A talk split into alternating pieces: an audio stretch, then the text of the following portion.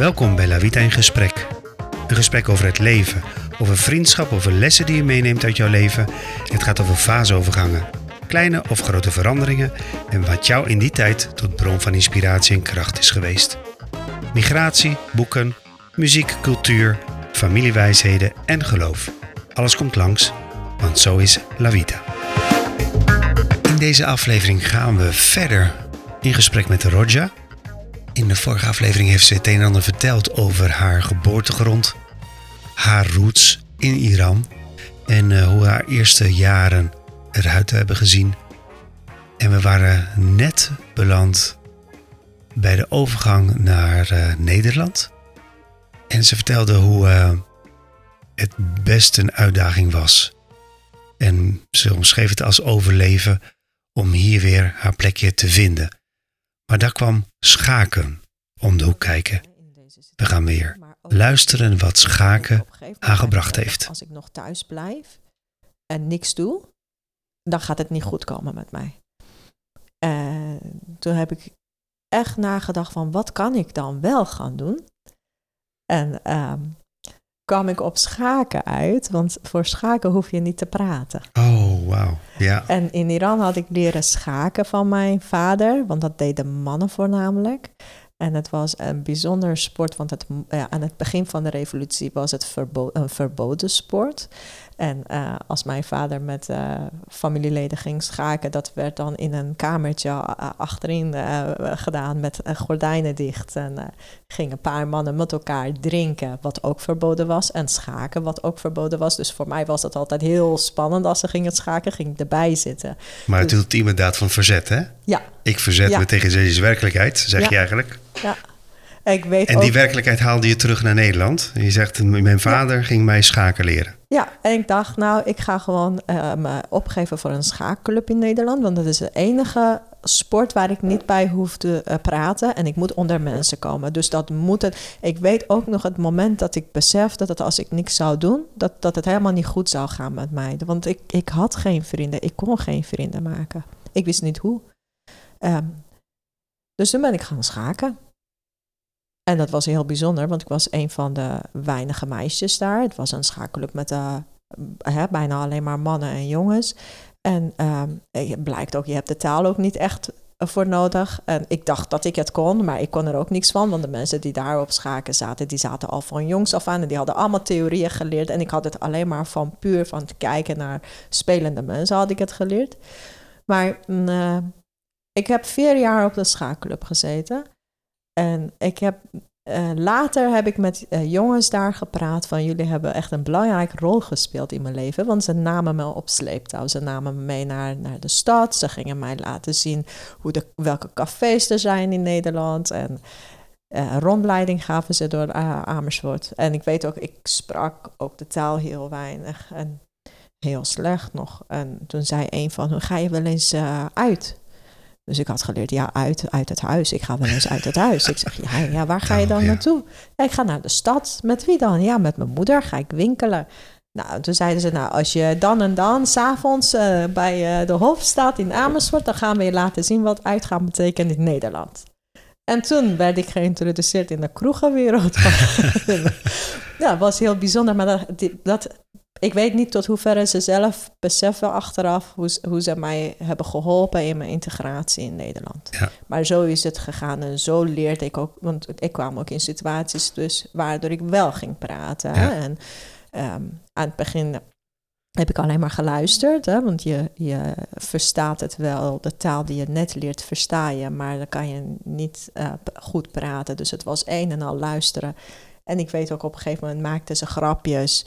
En niet echt prettige grapjes. En ik verstond het en ik kreeg een rode wang. En dan zeiden een paar andere jongens: Ja, dat moet je niet doen. Er staat een meisje bij. Ja, ze praat toch niet. Ze verstaat het niet. Oké, okay, ja. ja. Ik verstond het wel. Verstond het, ja. Ik verstond het ondertussen, maar ik kon niks terugreageren. Ja.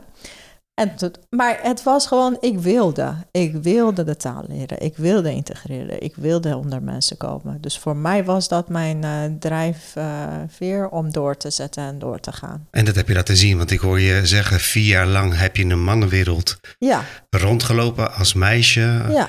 Waarbij je in het begin niet eens kon antwoorden. Ja. Nam toe. Ja, en Maar je hebt langs- ook het vertrouwen gewonnen van deze jongens. Want deze jongens dachten van, Ja. kom Roger, je gaat Ja, mee. Ze waren heel aardig. eh, ze letten niet op.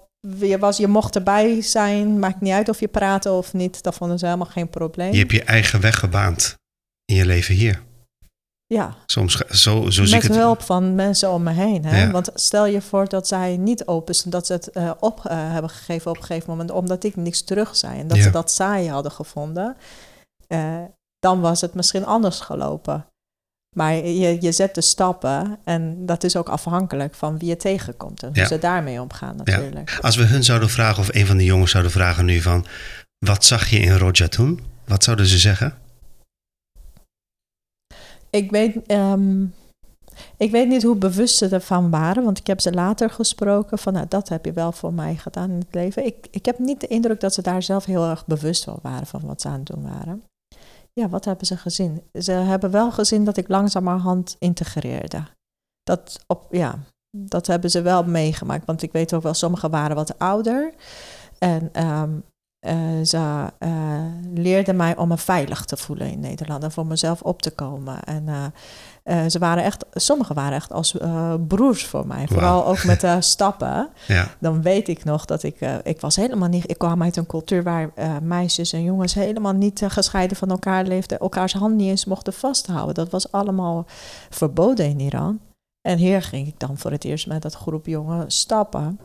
En ik weet ook nog dat ik een keer ehm, dat er een vreemde jongen naar me toe stapte in zo'n café. En dat ik echt oogcontact zocht met mijn vrienden van Schaakclub, van help.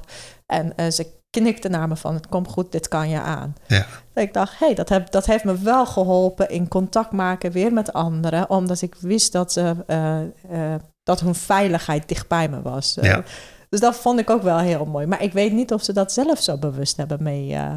dat ze daar bewust van waren, dat weet ik niet. Dat zou ik ze eigenlijk moeten vragen. Weer. zeggen, het zou een hele mooie vraag zijn. Want ik denk, al zouden ze het niet bewust hebben bedacht... ze hebben wel bewust actie ondernomen. Ja. Dus Ja. je hebt echt wel iets uitgestraald of iets Ja. gedaan met ze. Of Ja. je zo bewogen hebben tussen hun en onder hun... dat zij dachten van, ah ja, leuk. Dat doen we gewoon. Ja. Ja. misschien waren ze ook al lang blij dat er al een, een meisje op de schaakclub zat. Naast Floor, want Floor zat al lang. Want ze hadden ook op een gegeven moment mijn ouders beloofd om mij naar huis te brengen s'avonds als we gingen stappen. Dus één oms de buurt ging er eentje netjes met me mee naar huis fietsen. Wauw, betrouwbare Ja. jongens. Ja. Goed, eh, ik zie nog een paar boekjes eh, mee. Maar ik zie Ja. ook een paar foto's, losse foto's. Ja, Welke, wat wil je erbij pakken? Ehm, nou, dat is eh de foto van mijn ouders zelf voor de revolutie. Ja. Dat is voor mij heel bijzonder, want Iran is nu ook alweer veranderd. Maar hoe ik Iran heb meegemaakt is eh, ehm, donkere kleding. eh, iedereen moet een hoofddoek om, alle vrouwen. Mannen mogen geen korte broeken aan. Ehm, En ik zal eventjes deze foto eh, omschrijven. Probeer Ja. te omschrijven. Ik zie twee eh, jonge ouders, eh, je vader en je moeder, eh, naast elkaar zittend op een muurtje, een laag muurtje in het gras. En achter eh, hun een soort eh, traditioneel gebouw met gangen en hoeken.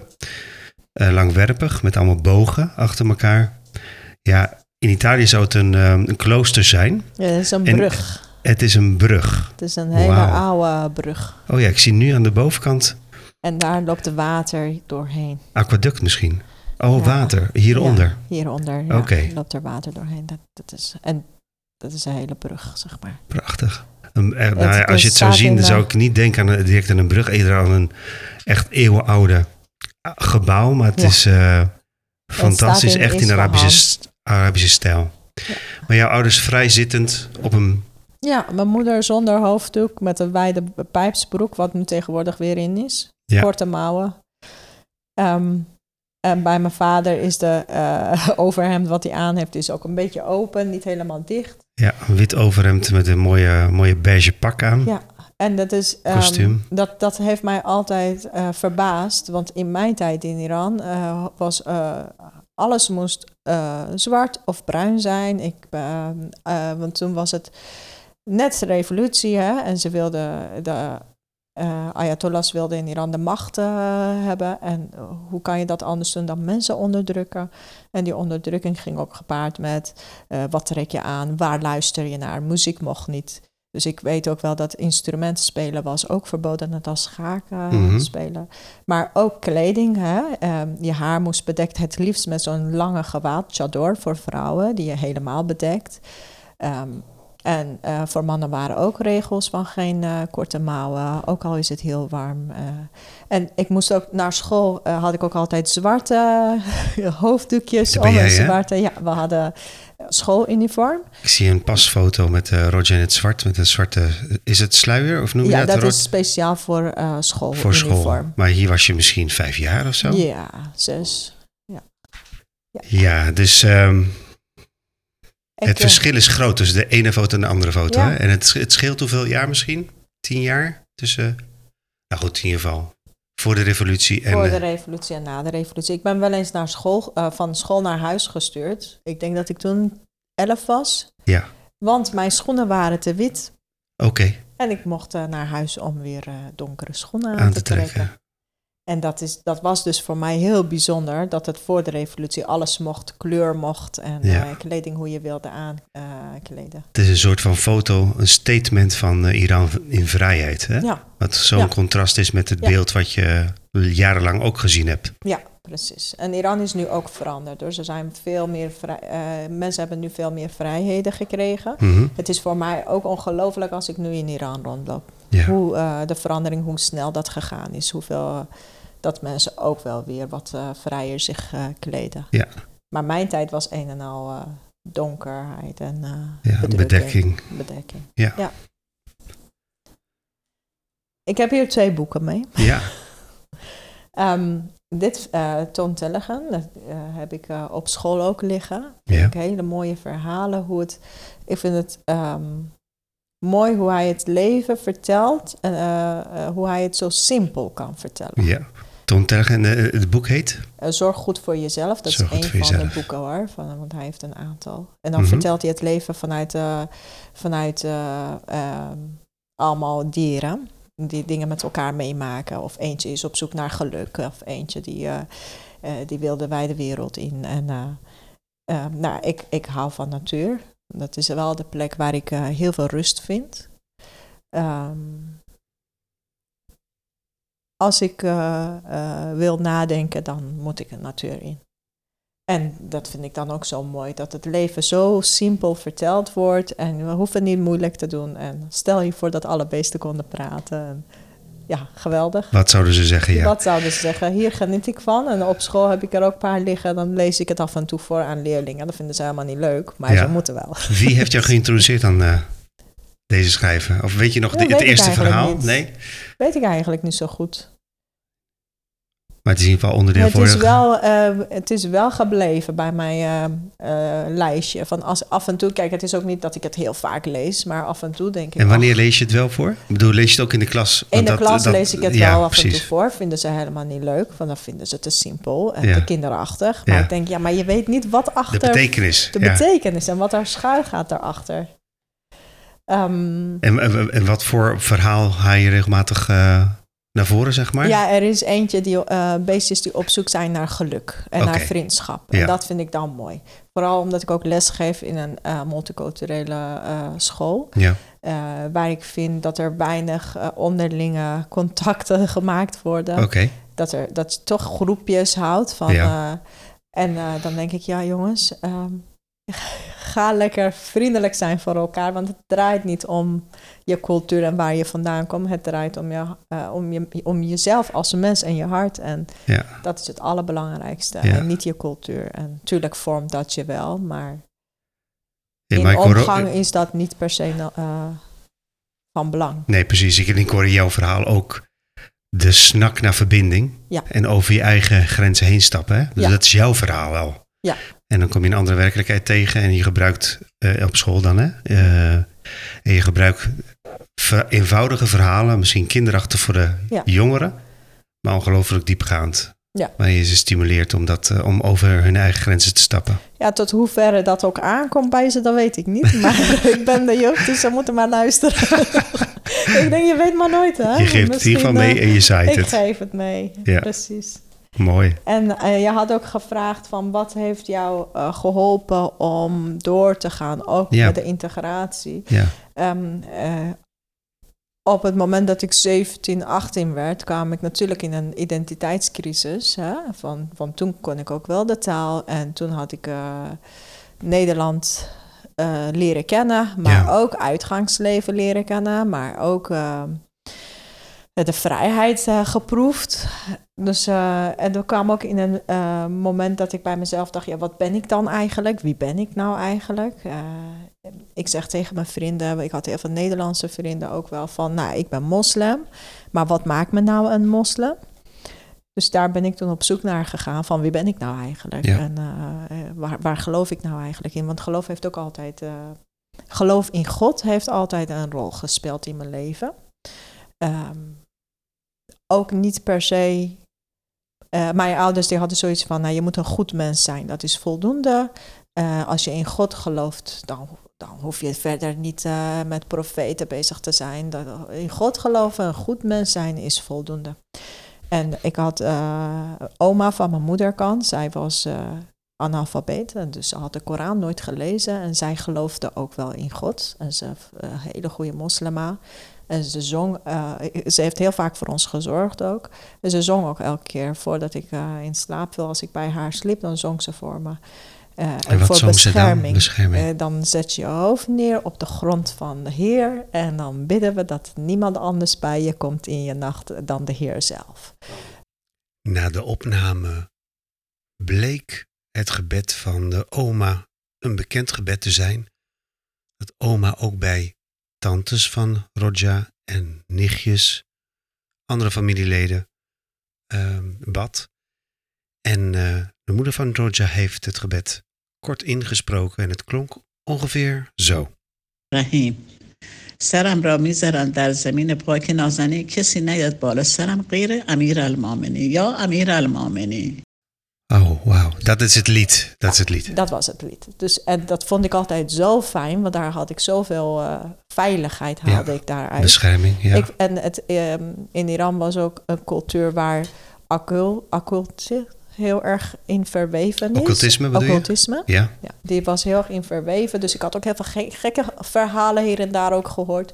Dus dat was voor mij heel veilig en fijn. Dat ik wist dat er niemand anders in mijn droom zou komen dan God zelf. mhm. En terwijl God wel heel ver weg stond in islam. Dus dat was wel het moment dat mijn oma dat aan me gaf. Van God is niet ver weg, God is heel dichtbij je. En ehm, later, toen ik in de identiteitscrisis kwam, vond ik ook belangrijk om eh, te gaan onderzoeken waar ik nou eigenlijk zelf in geloof. En eh ben de ehm, Koran gaan lezen, eh, vertaald in het Iraans. Zelf zonder begeleiding, gewoon zelf gelezen. En ehm, op een gegeven moment ben ik daarmee gestopt, want ik kon niet alles accepteren, omdat ik wat nou moderner was geworden, denk ik, in mijn eigen gedachten. Dus ik kon bepaalde dingen niet accepteren. Van is dat God? Is dat een God die gelijkheid belangrijk vindt tussen alle mensen en tussen mannen en vrouwen? Ehm, dat eh, vond ik lastig. Dus op een gegeven moment kwam ik bij een gedeelte van de Koran die ging over wat zou een man moeten doen in binnen het huwelijk als zijn vrouw hem niet gehoorzaamt. En die maatregelen stonden me een beetje tegen. Ik denk, nou, als je dit, als je deze God wil ik helemaal niet in geloven. Daar ben ik niet heel erg, eh, word, word ik daar niet heel erg warm van. En de Koran herinnert je heel veel aan de hel en de hemel. Dus Mhm. eh, als je het slecht doet, dan kom je in de hel. Vergeet dat niet. En als je het goed doet, kom je in de hemel. En de beschrijving van hoe eh, mooi hemel is. Mhm. En ehm, het maakte me ook angstig. En ik was juist heel blij dat ik een paar jaar van die angstige Iran en eh, verleden eh, eh, los was gekomen. Dus dat angst, dat wilde ik helemaal niet meer. En dacht ik, nou, ik ben toch bezig met ehm, eh, belangrijke boeken van geloof te lezen. Dus ik ga gewoon de uh, Torah erbij pakken, ook in het Iraans vertaald. En dan ga ik ze gewoon allemaal langs. En hoe kwam je op het idee om de Torah erbij te pakken? Um, ik, um, op middelbare school had ik uh, vriendinnen. Eentje was Jehovah-getuige, eentje was boeddhist, eentje was een Turkse meisje gesluierd. En we hadden heel veel over geloof met elkaar in, tijdens de pauzes. Ja. En heel veel gesprekken. En ik dacht, nou ja... De vanzelfsprekendheid hè, van re religie en geloof of een god. Hè? Ja. Dat hoor ik ook Ja. in alle drie. De, ja. En ik wilde wel weten waar... Eh, die, eh, zij praten over hun geloof, maar ze kenden hun geloof. ja.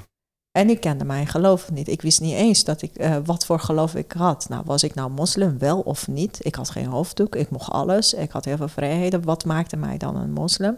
Dus het feit dat ik ook met die mensen omging die hun geloof goed kenden... stimuleerde me ook om door te zetten van... nou, ik moet toch een bepaalde achtergrondkennis hebben... als ik met mensen in gesprek ga en als ik mezelf wil ontdekken. Ja, maar je koos de Torah. Van waar? Ja. Van waar? Ik denk, Hoezo? nou, dat komt vast. Dat zijn grote boeken, hè? Ja. grote geloven. Dus uh, Jodendom, Christendom en Islam. Ik denk, ik ga ze allemaal langs. Ja. En uh, uh, Torah gelezen. Ik moet zeggen, heel veel verhalen herkende ik hè, van islam. En, Er is veel overlap, hè? Heel veel. En ik heb ook heel veel vraagtekens overal bijgezet. Van, eh, De stamvaders komen terug, hè? Volgens mij heten ze zo, Ja. toch? Ja. Ja, een grote profeten Ja. zijn allemaal hetzelfde. Ja. Eh, Het verhaal verandert hier en daar iets, maar ehm, over het algemeen komt het op hetzelfde neer. Mhm.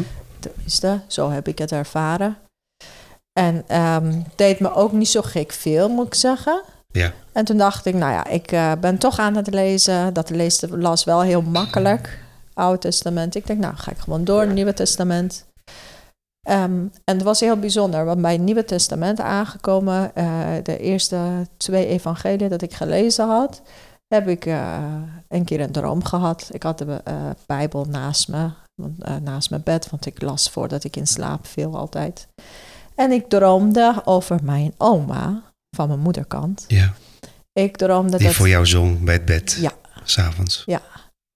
En ehm, ik- ik was wel, moet ik zeggen, dat ik altijd heel verbaasd was over verhalen van Jezus. Eh, van eh, hoe hij met situaties omging. Over ehm, mm, ja, hoe wij oordelen en hoe hij naar situaties kijkt zonder oordeel. Maar bij dat, eh, nadat ik die twee evangelie had gelezen, droomde ik over mijn oma. En ze had een witte gewaad aan. Ze was hartstikke jong en mooi. En ze liep voor me uit. En was eh, ergens in de bergen. En ik liep achter haar aan als een klein meisje.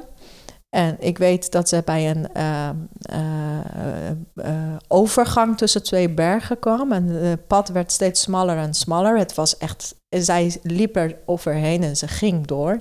En ik bleef achter haar staan omdat het pad zo smal was en een diepe daalde naast. Ja. Durfde ik niet achter haar aan te lopen. Ja. Vond ik heel eng. Dus ik dacht, als ik daar doorheen loop, dan val ik. Dus ik bleef staan. En, maar zij liep door.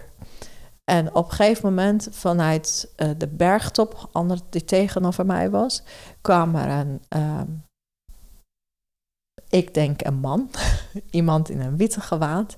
En um, die stak zijn hand naar me uit en die zei: Dit kan jij ook. Wow. Vertrouw je mij? Ja. Leg je hand in mijn hand en dit kan je ook. En toen ben ik wakker geworden.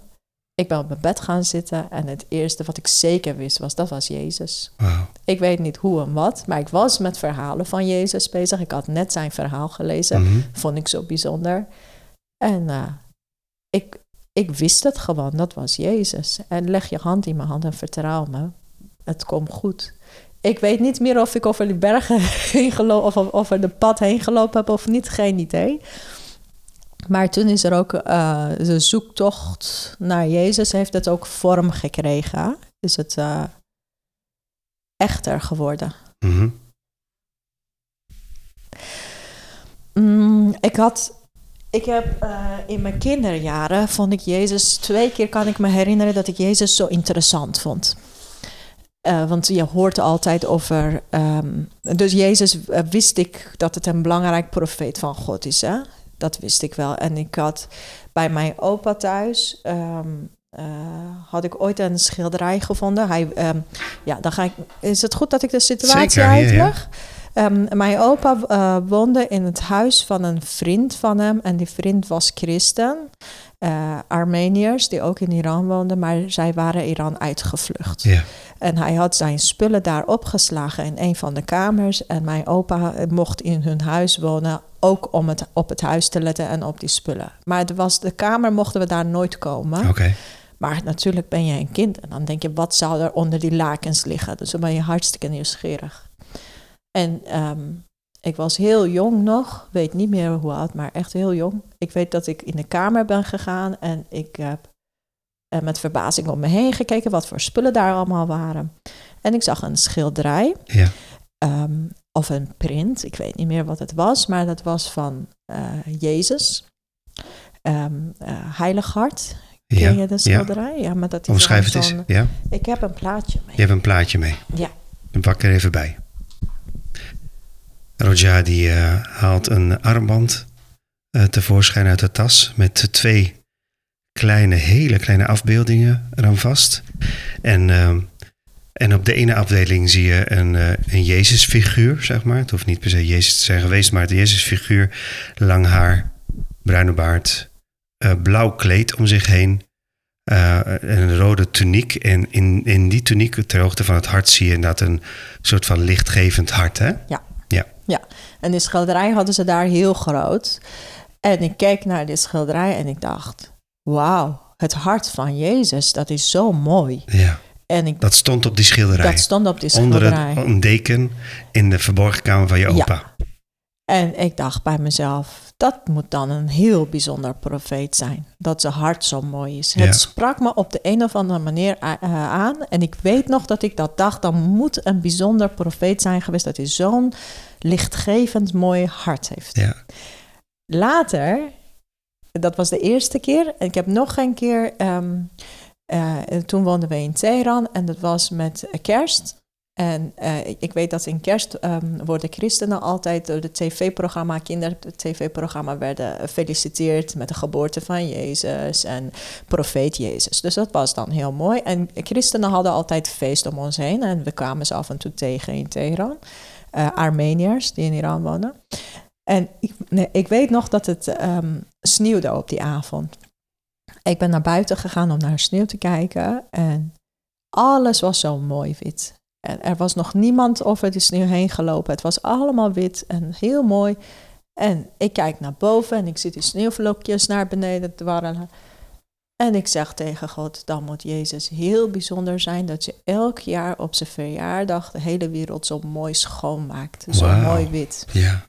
En dat kan ik me ook herinneren dat ik dat zo zei tegen God. Dus dat zijn twee momenten in mijn leven geweest in Iran.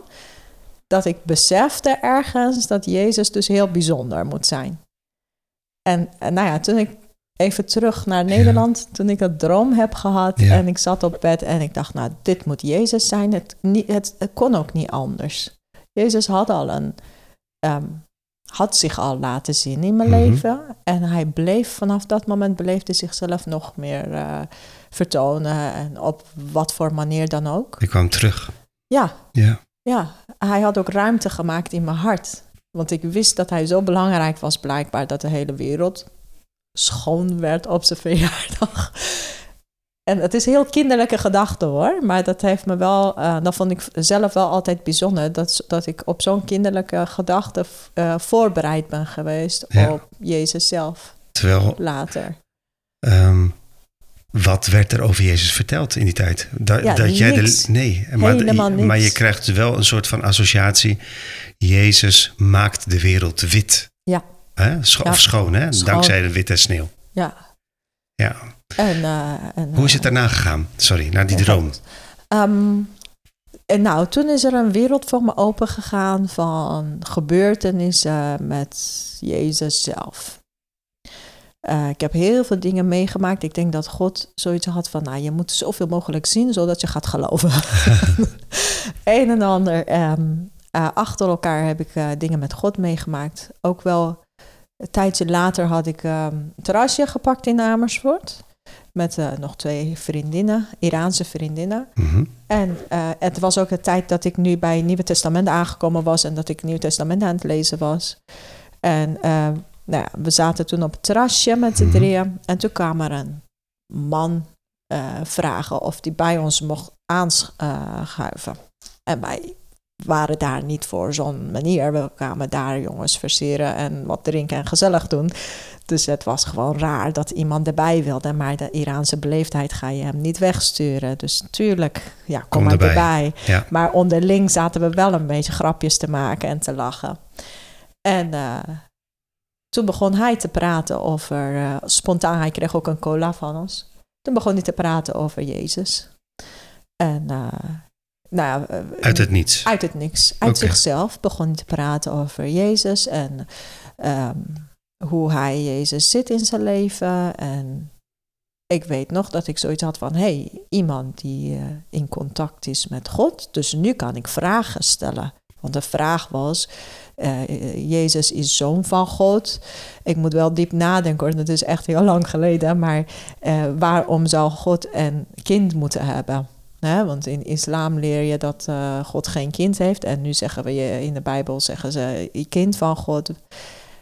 Eh, de vraag kwam in me op, maar ik heb de vraag niet hardop gesteld. Want dat kon niet, want mijn vriendinnen zaten erbij. eh, de Iraanse vriendinnen die totaal niet met geloof bezig waren. Mhm. Dus het was niet stoer genoeg om de vraag te stellen.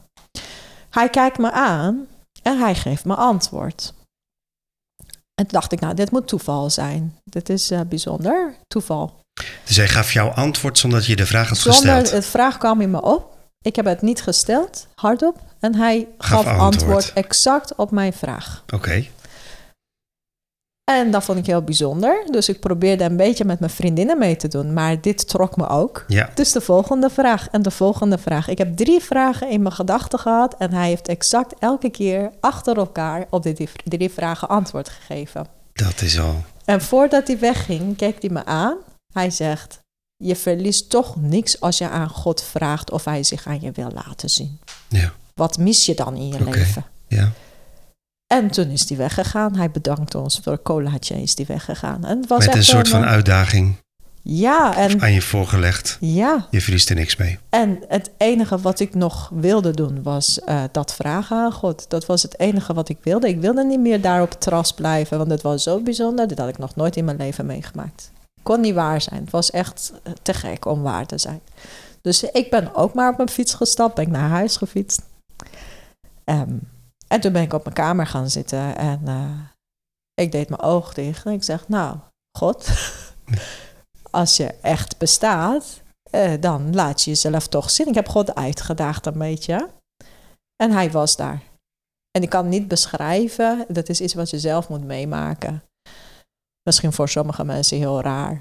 Maar in mijn beleving, ik- ik had mijn oog dicht en ik stelde zo de vraag van, nou ja, laat jezelf dan zien. En ik voelde de aanwezigheid van Jezus. Ik voelde dat hij tegenover mij zat. Ik voelde dat hij naar me keek. En ik voelde, eh, ik ervoer zijn. Weet je, soms heb je dat iemand de hele tijd naar je kijkt. En dan, dat, dan, eh, dat, dat je het gevoel hebt dat je bekeken wordt en draai je om. Dat je echt ziet dat iemand zo. naar je staart. Ja. Dat was het. Maar hij zat tegenover mij en mijn kamer was helemaal licht terwijl ik mijn ogen dicht had. En de aanwezigheid was zo heftig dat ik dacht, als ik nu mijn ogen niet open doe, dan mis ik het. Ach, ja. Toen deed ik mijn ogen open en toen was ik in mijn kamer. Dat had ik helemaal niet moeten doen. Nee. Dat was mijn moment met God. Maar ja, ik dacht, het is, dit is zo echt. Hij is er hier, dus ik ga hem zien. Ik doe mijn ogen open. En eh, nou, ik deed mijn ogen open en ik dacht, nou heer, je bent echt. Ik heb een paar vragen. dus eh, ik, wilde, ik had IJs ook nog eens, hè. Ik denk, je bent zo echt. Ik wil dit en dat. En ik heb drie dingen aan hem gevraagd. En ik was net, ik, ik wilde mijn diploma halen en ik wilde voor fysiotherapie ingelood worden. En ik had nog een vraag, dan weet ik echt niet meer wat het was. Want hij was er, dus ik kon het nu Ja, allemaal. nu- Dat was mijn kans. De weg was open, zullen we Ja, zeggen. Ja.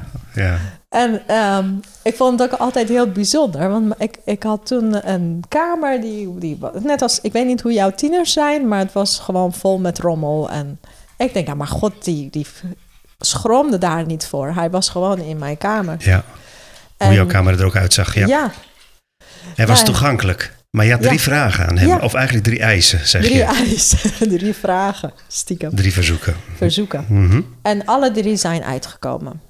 Ik, ben, eh, ik heb mijn HAVO-diploma gehaald dat jaar. Eh, maakte ik me heel zorgen om, omdat ik ook eh, echt achterstand had met Engels en met Nederlands. En toch heb ik mijn HAVO-diploma gehaald. Ik ben voor fysiotherapie ingelood, wat ik ook heel spannend vond. En de laatste weet ik ook wel. Ik weet niet meer wat de vraag was, maar ik weet wel dat het eh, beantwoord is. En het kon ook niet anders. En in hetzelfde jaar. Je zegt dat met een bepaalde zekerheid. Het kon ook niet anders. Want? Ja, het was zo echt, die ervaring was gewoon. Vanaf dat moment heb ik ook nooit meer gezegd dat Jezus of God niet bestaat. Ja. Dat is gewoon een zekerheid voor jou geworden. Zekerheid geworden voor mij dat het, ja, dan zou ik liegen tegen mezelf als ik zou zeggen dat God niet bestaat. Ja. En, eh, het, het- en er ging ook een periode voor mij, eh, ehm, het, het bijzondere was dat ik in die periode ook eh, mijn man tegenkwam, Mhm. van nu, van Philip. Mhm. En eh, hij geloofde, hij ging al naar de kerk.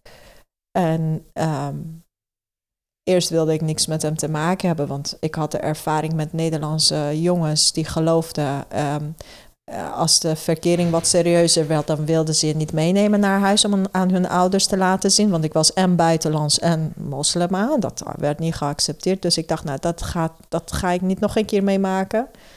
Dus eh, het eerste wat ik ook tegen hem zei was: Als je eh, christen bent, ik, eh, ik ben geen christen. Dus dat moet je nu zeggen, want ik hoef niks met jou. En ik weet dat eh, ik ben voorbereid. Taal. Ja, want ik denk, ik ga niet hetzelfde weer meemaken met een Nee. christelijke jongen. Ja.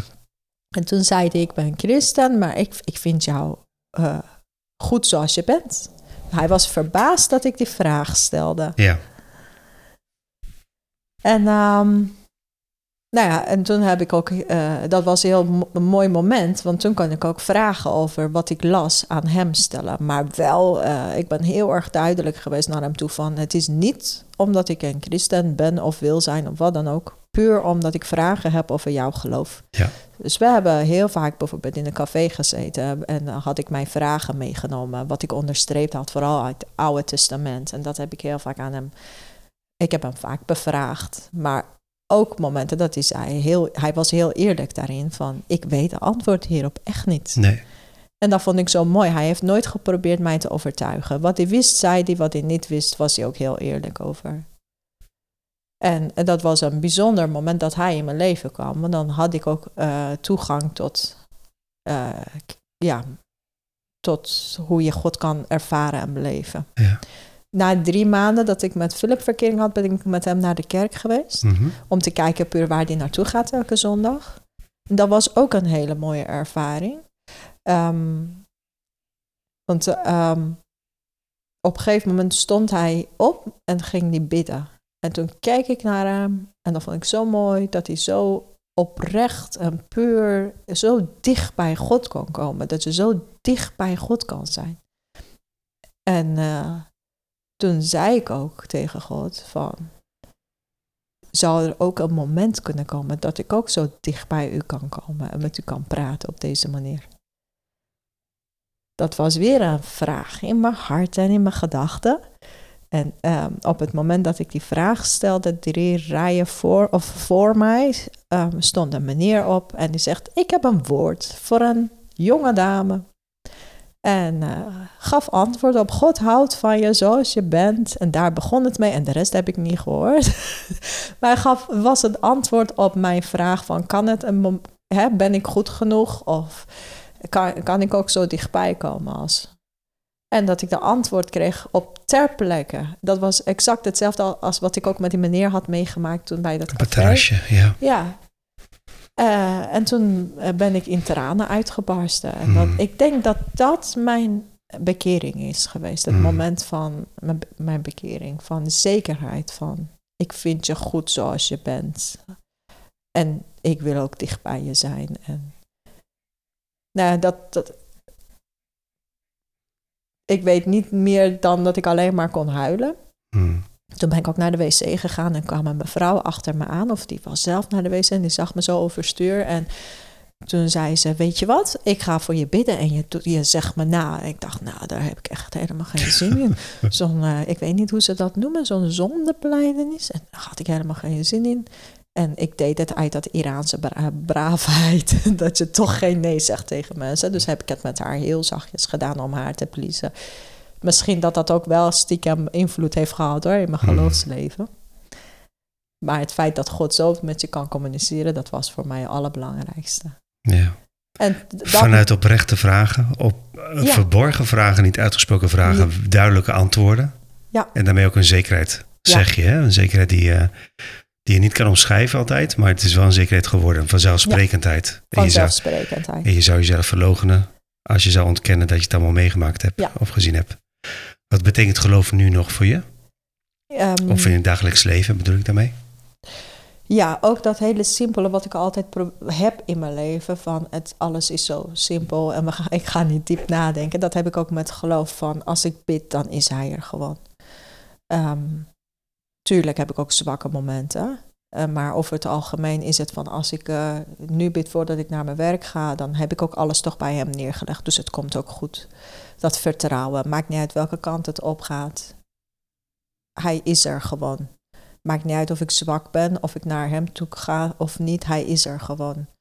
Eh, welke beslissing ook maak. Ehm, hij is niet meer los van mijn leven. En dat geeft me ook heel veel rust. Hm. En dat heeft me ook in dat. ehm, het zoeken naar God was ook een zoektocht naar mezelf, naar mijn eigen identiteit. En dat heeft me wel ehm, eh, rust gegeven. Van het maakt niet uit wie je bent, wat je doet, waar je doorheen gaat. Het gaat erom dat God van je houdt, dat je goed genoeg bent voor God. En ehm, ik denk dat dat gewoon niet meer eh, los eh, te krijgen is van mijn leven nu. Ja. Ja, ik zit nu even te denken. Ehm, nou, Roger, en ehm, je speelt nu met je handen met een eh, armbandje met de Mhm. Jezusfiguur eh, in. Jezusfiguur terugkomend op de schilderij in de kamer onder de laken. In de verborgen kamer van, de, van je opa. Ja. Heb je opa of grootouders nog wel eens gezien of iets verteld over wat je meegemaakt hebt daarna? Ja, want ehm, ik heb ehm, eh, nadat ik me had laten dopen, vond ik ook eh, belangrijk om eh, dat aan mijn eh, opa's en oma's te vertellen, alle vier. Dapper. Ja, ik had geen behoefte om het aan tantes of wie dan ook te vertellen, maar ergens had ik het gevoel dat ik het wel aan hun moest vertellen. Ja. En ik wist niet, ja, van de ene opa en oma, hè, die, degene met de Jezus schilderij. Ehm, en die opa van mij, die had ook zoiets van, je moet een goed mens zijn en voor de rest eh, is het niet belangrijk. En eh, opa van mijn moederkant, eh, die was naar Mekka geweest, die was moslim, die las de Koran, die was heel gelovig. En een van de laatste gesprekken wat ik met hem heb gehad voordat ik kwam te overlijden, dat ging over het feit dat ik me had laten dopen. Dus ik zeg, ik wil dat je weet dat ik eh, me heb laten dopen en dat ik eh, in Jezus geloof nu. En eh, toen zei hij, dopen bedoel je helemaal onder het water? Ja, helemaal uitgelegd. En toen zei ik, wat vind je ervan? Hij zegt, ik ben zo blij dat een van mijn nazaten eh, in God gelooft. Ja. En de, wat zei hij nou? Dat zei hij heel mooi. Eh, de, een, een, een kind geworden is van Jezus. En hij was heel blij dat een van zijn kleinkinderen God is gaan volgen en een kind geworden is van Jezus. En ik was heel verbaasd. Nou, dat zou je niet verwachten. Nee.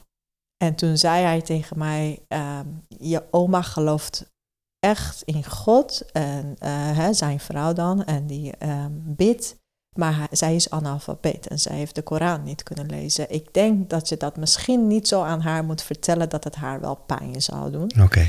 Ehm, maar hij was heel blij dat ik, dat, eh, dat ik het wel aan hem had verteld. En eh, dat was echt heel mooi, want daarna is hij ook overleden. Heb ik hem ook nooit meer gesproken. Hè? Da- Dan werd hij ziek en eh, is hij komen te overlijden. Maar ik had nooit gedacht dat ik zo hem blij zou maken omdat ik een kind van Jezus was geworden. Ja. Dus ik vond het heel bijzonder. Bijna, dat, eh, het klinkt bijna als een zegen. ja, Hè? ja, Een soort van... Ja. Ja, ook toestemming, zegen van, het, van de opa en de oma. Ja. ja. Heb je die oma ook echt niet meer gesproken hierover? Jawel, oh, heb toch ik. wel? Ja. heb ik. Ik heb, ehm, de, eh, 2017 was ik dus ook in Ja. Iran. Met je familie, Eh, gezin ja, Toen heb ik ook eh, met oma hierover gepraat. En nou ja, ook heel dankbaar. En ik heb over God gepraat met haar zoals ik het zie, zoals Jezus voor mij is. En ik heb met haar mogen bidden. En ze, ze Hoe heeft- reageerde zij? ja, verbaasd, mooi. En ik vond het ook heel bijzonder dat ze. Ik denk dat ze wel een soort oprechtheid zien, hè? met eh, hoe God in je leven is en hoe je zelf verlangt naar God. Dat ze ook zoiets had van, nou, wil je met mij bidden? Dat vond ze echt mooi. Dus we hebben, ik heb voor haar gebeden in de naam van Jezus. Ja, En dat vond ze mooi. Dus daar was ik ook heel erg eh, verbaasd over. Van, eh, het is ook goed gekomen. ja, Ja, prachtig. kon ik ook mooi afsluiten. Was het dezelfde oma die je in de droom had gezien? Ja. Ja, En dat heb ik ook haar verteld.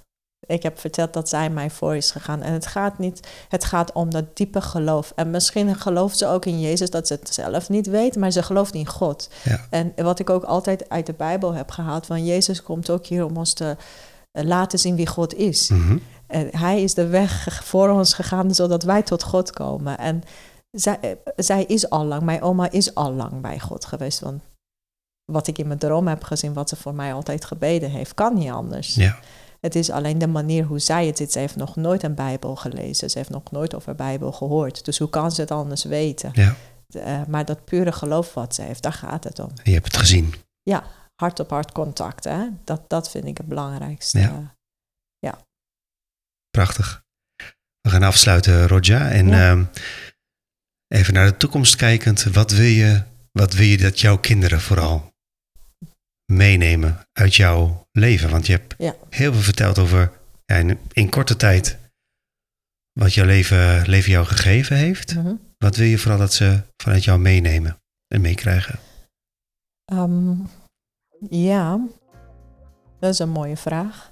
Ik zou het ze zo gunnen dat zij hun eigen weg vinden Mhm. hè, in het leven. En dat ze ehm, losstaan van alles wat ik zelf heb meegemaakt.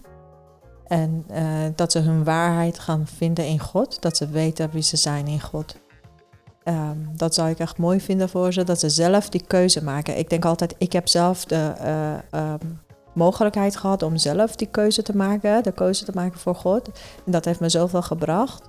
En ik bid elke keer ook dat God in hun hart komt zoals die ook in mijn hart is gekomen. Dat zij zelf uiteindelijk, dat het ook voor hun een waarheid, hun waarheid gaat worden. Dat bid ik ze echt. En dat ze ehm, ook leren dat je, dat het niet belangrijk is wat anderen van je vinden. Dat, eh, ik hoop dat bij, bij mijn kinderen dat dat proces sneller gaat. maar, en ehm, ehm, ja, dat ze ook wel, eh, wat ik ook belangrijk vind voor ze, is dat ze ook leren dat ehm, de deur open staat voor elk mens. Mm. Hè? Geen onderscheid maken eh, in ehm, niveau van denken van mensen of studie wat ze gedaan hebben of de kleur wat ze hebben, maar dat, ze, dat iedereen bij hun welkom is in hun leven. Dat wil ik ze wel echt meegeven. Prachtig. Ja. Bijna terug naar toontelligen. Ja. En de verbindingen over je eigen grenzen heen. Ja. Prachtig. Nogmaals dank voor je, voor je deelname. Echt super mooi om naar je verhaal te luisteren. Ja, bedankt dat je me uitgenodigd hebt. Ja. Ja.